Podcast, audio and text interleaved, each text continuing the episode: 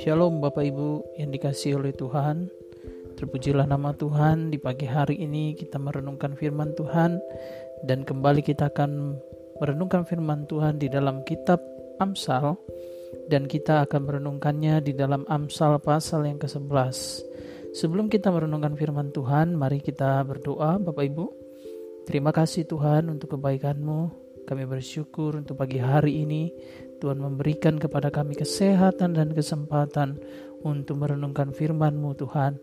Engkau ya Roh Kudus yang memberikan kami hikmat dan pengertian untuk mengerti kebenaran-Mu yang kami renungkan pagi hari ini dan kami bisa melakukannya dalam kehidupan kami karena kami mengerti dan karena Roh Kudus yang mengajar kepada setiap kami yang mendengarkan renungan ini. Terpujilah namamu ya Tuhan di dalam nama Tuhan Yesus. Kami mengucap syukur dan berdoa. Haleluya. Amin. Bapak Ibu Saudara, mari kita bersama-sama membuka firman Tuhan di dalam Amsal pasal yang ke-11. Amsal pasal yang ke-11 ayat yang pertama dan sampai dengan ayatnya yang ketiga. Bapak Ibu, saya akan membaca dan Bapak Ibu bisa melihat dan memperhatikan uh, firman Tuhan yang akan kita baca pagi hari ini. Amsal 11 ayat 1 sampai 3 demikianlah firman Tuhan. Neraca serong adalah kekejian bagi Tuhan tetapi ia berkenan akan batu timbangan yang tepat. Jikalau keangkuhan tiba, tiba juga cemooh. Tetapi hikmat ada pada orang yang rendah hati. Orang yang jujur dipimpin oleh ketulusannya, tetapi pengkhianat dirusak oleh kecurangannya. Bapak Ibu Saudara, di dalam Amsal kita akan menemukan begitu banyak nasihat yang diberikan oleh penulis Amsal mengenai kehidupan kita sebagai orang percaya yang dituliskan oleh Amsal, bagaimana kita seharusnya hidup sebagai orang percaya, bagaimana kita harus hidup benar-benar hidup di dalam kebenaran. Karena jikalau kita tidak hidup di dalam kebenaran, pasti akan ada akibat daripada kehidupan kita yang tidak hidup di dalam kebenaran itu Bapak Ibu Saudara. Amsal pasal yang ke-11 juga merupakan nasihat yang penting yang diungkapkan oleh penulis Amsal kepada orang-orang percaya, kepada orang-orang yang membaca Amsalnya mengenai kehidupan ini sebagai orang yang percaya dan menyembah kepada Allah yang benar, maka hidup kita haruslah dipenuhi dengan kebenaran Bapak Ibu Saudara. Kita semuanya sebagai orang Kristen, orang percaya pasti tahu bahwa kita uh, harus hidup benar, bahwa kita harus hidup di dalam kebenaran karena kita setiap minggu, setiap hari mungkin mendengarkan firman Tuhan, mendengarkan kebenaran, mempelajari, membaca kebenaran, maka kita juga harus hidup di dalam kebenaran Bapak Ibu Saudara. Amsal pasal yang ke-11 kita akan melihat dari ayat pertama dan sebenarnya ayat uh, Amsal pasal yang ke-11 ini kita akan melihat sebenarnya ini ditulis sampai dengan ayat yang ke-31. Tetapi dalam hal ini kita hanya akan membahas beberapa ayat, tidak akan semua kita bahas, tetapi Bapak Ibu Saudara bisa membaca dan bisa memperhatikan bahwa inti daripada apa yang dituliskan oleh penulis Amsal berkaitan dengan kehidupan kita yang harus hidup di dalam kebenaran. Jikalau kita tidak hidup dalam kebenaran, maka ada akibat yang akan terjadi atas kehidupan kita yang tidak hidup dalam kebenaran Bapak Ibu Saudara. Bapak Ibu bisa, bisa memperhatikan di sini bahwa Amsal pasal ke-11 ini kita akan renungkan bersama-sama. Di sana dikatakan di dalam ayat yang pertama, neraca serong adalah kekejian bagi Tuhan, tetapi ia berkenan akan batu timbangan yang tepat. Pertanyaannya adalah apa yang dimaksud dengan neraca serong adalah kekejian bagi Tuhan, tetapi Tuhan berkenan akan batu timbangan yang tepat. Amsal atau penulis Amsal sedang berbicara tentang kebenaran bahwa Tuhan berkenan kepada orang yang jujur, Bapak Ibu Saudara. Hari-hari ini sulit sekali kita menemukan orang yang jujur, Bapak Ibu dan orang yang jujur, secara khusus juga orang yang berintegritas, adalah orang yang selalu dicari-cari, adalah orang yang selalu dicari-cari oleh perusahaan, oleh kelompok orang tertentu, oleh uh, usaha-usaha tertentu, Ya, sebagai mungkin Bapak Ibu kalau kita sebagai pemilik usaha, pemilik bisnis, pemilik perusahaan, kita pasti akan menerima orang yang jujur. Salah satu kriterianya adalah orang itu yang mau bekerja dengan kita adalah orang yang jujur yang bisa dipercaya Bapak Ibu Saudara. Tetapi dari zaman ke zaman, dari zaman dulu sampai zaman sekarang Bapak Ibu Saudara, orang yang jujur itu sulit sekali ditemukan.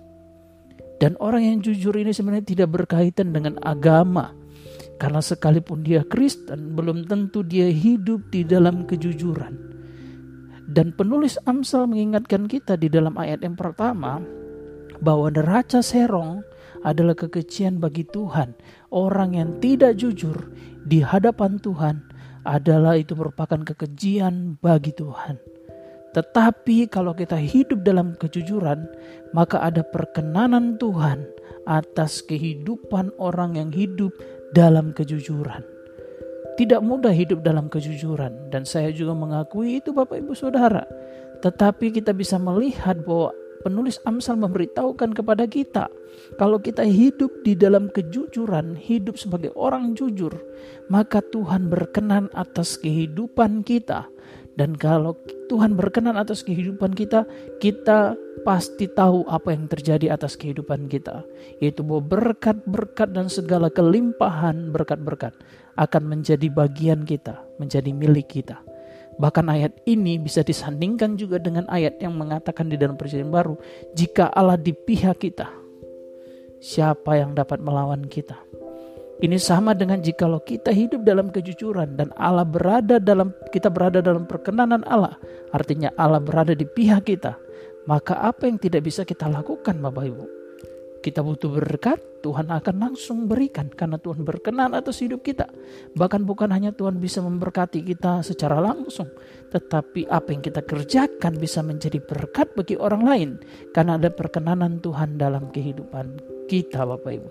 Ayat yang kedua Amsal menuliskan, jikalau keangkuhan tiba, tiba juga cemooh. Tetapi hikmat ada pada orang yang rendah hati.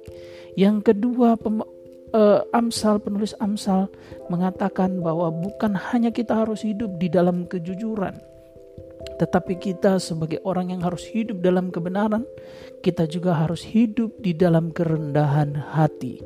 Mengapa? Karena orang yang rendah hati adalah orang yang memiliki hikmat. Jadi Bapak Ibu Saudara, kita harus membuang semua pemikiran bahwa rendah hati itu berarti lemah. Ada orang-orang yang tidak menjadi rendah hati oleh karena dia berpikir kalau aku nanti rendah hati, maka aku nanti dianggap lemah, di, disepelekan, dianggap rendah. Padahal Bapak Ibu Saudara, di balik hati seseorang Bukan hanya dia hidup dalam kebenaran, bukan hanya dia hidup melakukan kebenaran, tetapi ada kekuatan di dalam kerendahan hati. Apa kekuatannya? Bahwa orang yang rendah hati punya kekuatan yaitu hikmat. Dan hikmat ini yaitu yang berasal dari Tuhan. Karena kalau orang angkuh, orang sombong selalu akan menimbulkan cemooh, orang akan membicarakan dia, "Wih, betapa sombongnya orang itu." Tetapi kalau engkau rendah hati, kelihatannya engkau lemah, tetapi sebenarnya engkau punya kekuatan yaitu engkau punya hikmat Bapak Ibu Saudara. Maka penting sekali bagi kita di dalam ayat yang pertama penulis Amsal mengingatkan kita mari hidup di dalam kejujuran. Jika engkau hidup dalam kejujuran maka Tuhan berkenan atasmu. Lalu kemudian di ayat yang kedua dia mengingatkan kepada kita, mari kita hidup dalam kerendahan hati karena kalau kita sombong, kita akan menjadi pembicaraan orang-orang, kita akan dicemooh, kita akan diejek. Kelihatannya kita sang pemenang, tetapi sebenarnya kita kalah oleh karena kita hidup dalam kesombongan. Mari kita hidup dalam rendah, kerendahan hati, karena orang yang rendah hati bukanlah orang lemah, tetapi orang yang berhikmat dan orang yang berhikmat tidak banyak ada di dunia ini. Jikalau kita berhikmat, pasti kita akan hidup dalam kerendahan hati. Kemudian lebih lanjut lagi dalam ayat yang ketiga, penulis Amsal menuliskan, orang yang jujur dipimpin oleh ketulusannya. Tetapi pengkhianat dirusak oleh kecurangannya. bahwa orang yang hidup di dalam kejujuran karena Tuhan berkenan atas hidupnya itu oleh sebab kenapa karena Bapak Ibu Saudara orang yang hidup dalam kejujuran itu akan dipimpin oleh ketulusannya jadi dia akan hidup di dalam ketulusan Bapak Ibu Saudara. Dari sini kita belajar bahwa orang yang hidup dalam kebenaran, dalam hal ini adalah orang yang jujur, dia akan rendah hati dan juga dia akan hidup dalam ketulusan. Tetapi seorang pengkhianat itu akan hidup dalam kecurangannya dan dia yang hidup dalam kecurangan akan dirusak oleh kecurangannya. Jadi hidupnya tidak akan tentram. Pada akhirnya dia akan mendapati kesusahan oleh karena pengkhianatan yang dia lakukan, oleh karena kecurangan yang dia lakukan. Dari sini kita bisa melihat gambaran yang dituliskan oleh penulis Amsal Bapak Ibu Saudara bahwa orang yang jujur itu adalah orang yang berkenan bagi Tuhan, adalah orang yang hidup dalam rendah hati dan adalah orang yang dipimpin oleh ketulusan, bukan oleh sesuatu yang karena dia lakukan ini untuk mendapatkan pujian, dia melakukan ini untuk mendapatkan hal ini dan lain sebagainya. Itu bukanlah orang tulus, sebab orang yang hidup di dalam ketulusan, orang yang melakukan segala sesuatu dalam ketulusan, tidak mengharapkan upah. Tetapi kita juga bisa melihat bahwa penulis Amsal mengingatkan kepada kita bahwa orang yang tidak jujur hidupnya akan hidup dalam kesombongan.